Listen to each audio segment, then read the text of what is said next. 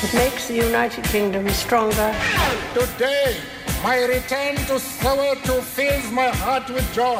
Ladies and gentlemen, welcome to London Heathrow's Terminal 5. John Carlin, bon dia i bona hora. Bon dia, Roger, què tal? Molt bé, i tu?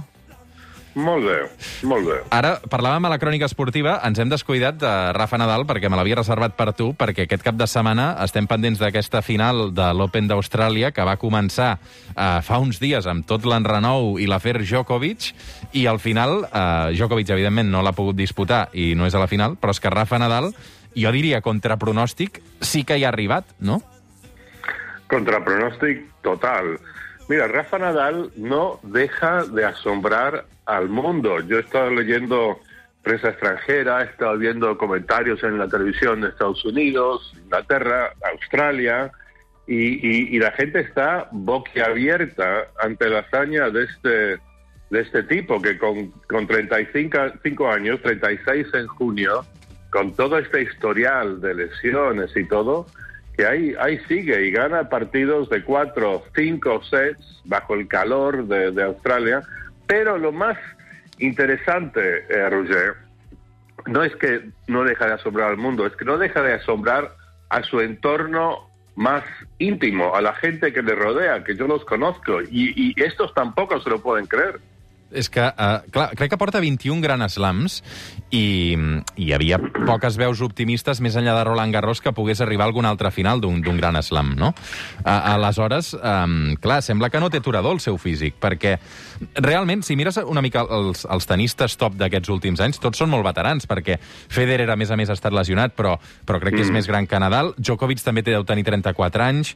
Uh, Vull dir que mm, realment el tennis, pel que estem veient i comprovant aquests últims anys, s'hi pot jugar si s'han cuidat fins, a, fins passat els 35, no? Sí, puede ser, pero, pero el tema con Nadal es que él ha sufrido con, con las lesiones mucho más que Djokovic y Federer. Y ahí está, igualado con ellos en, en 20 eh, Grand Slams y, y mañana con la oportunidad de superarlos y, y marcar un, algo bueno, absolutamente histórico. Mira, el problema que he tenido ahora, bueno, ha estado fuera de las pistas seis meses.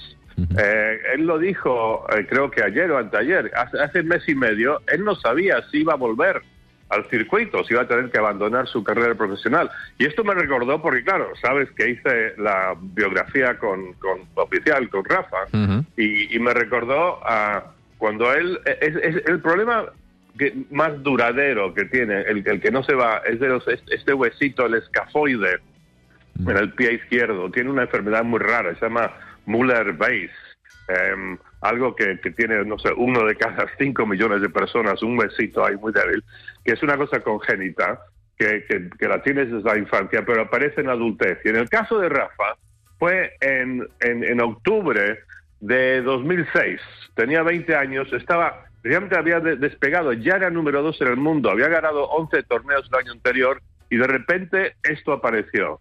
Y él se quedó absolutamente destruido, no podía poner el pie en el suelo. Él se, se, se tiraba en el sofá, lloraba durante días, parecía que ahí que todo se acabó. Y bueno, y se recuperó, como está recuperado el problema de la, de la rodilla, del codo, de todo. Y ahora estaba viviendo la mis- el mismo horror, horror, claro, eh, tengo negativos, pero horror para él personalmente como tenista, que pensaba que otra vez, ahora sí, se acabó. Entonces, estaba llorando después de ganar la semifinal el otro día y, llorando de, alivio, de no poderse creer que sigue ahí compitiendo al máximo nivel. Es que es casi, es casi milagroso. Diries que és ambició? Uh, uh, perquè, clar, durant tants anys no cansar-se de guanyar, no? Sí, ambición sí, pero yo creo que es una ambición totalmente desmesurada. Es, es una especie de locura. Es una especie de locura, pero locura para bien. Hay locuras para mal. Hay, hay, hay locuras, no sé, tipo, tipo Hitler.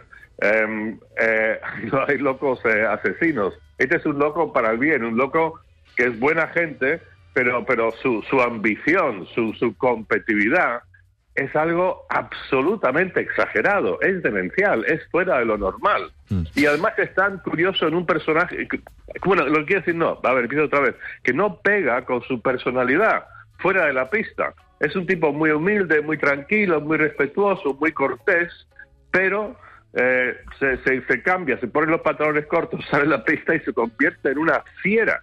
Mm. No ho tindrà fàcil en aquesta final perquè té el número 1 davant, que és eh, Medvedev, i un número 1 Sí. que, que finalment eh, li han pres a, a Novak Djokovic, eh?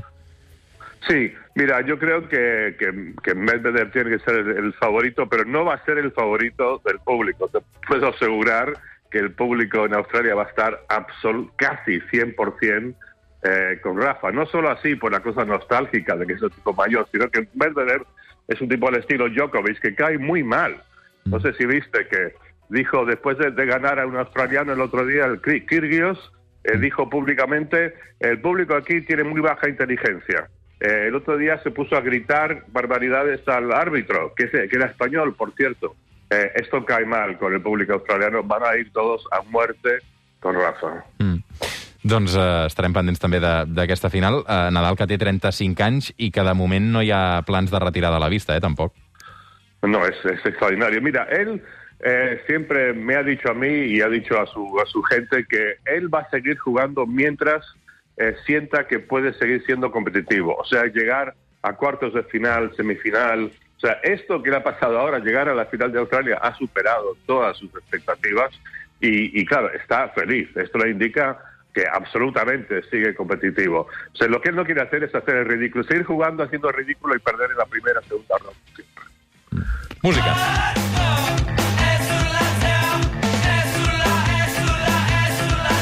Un minut per arribar a les 9 del matí. Avui ho farem amb una cançó que parla de tennis. De fet, sobre Roland Garros, el torneig estrella de Rafa Nadal és French Open dels Fulls. John Carlin, bon dissabte. Fins la setmana que ve.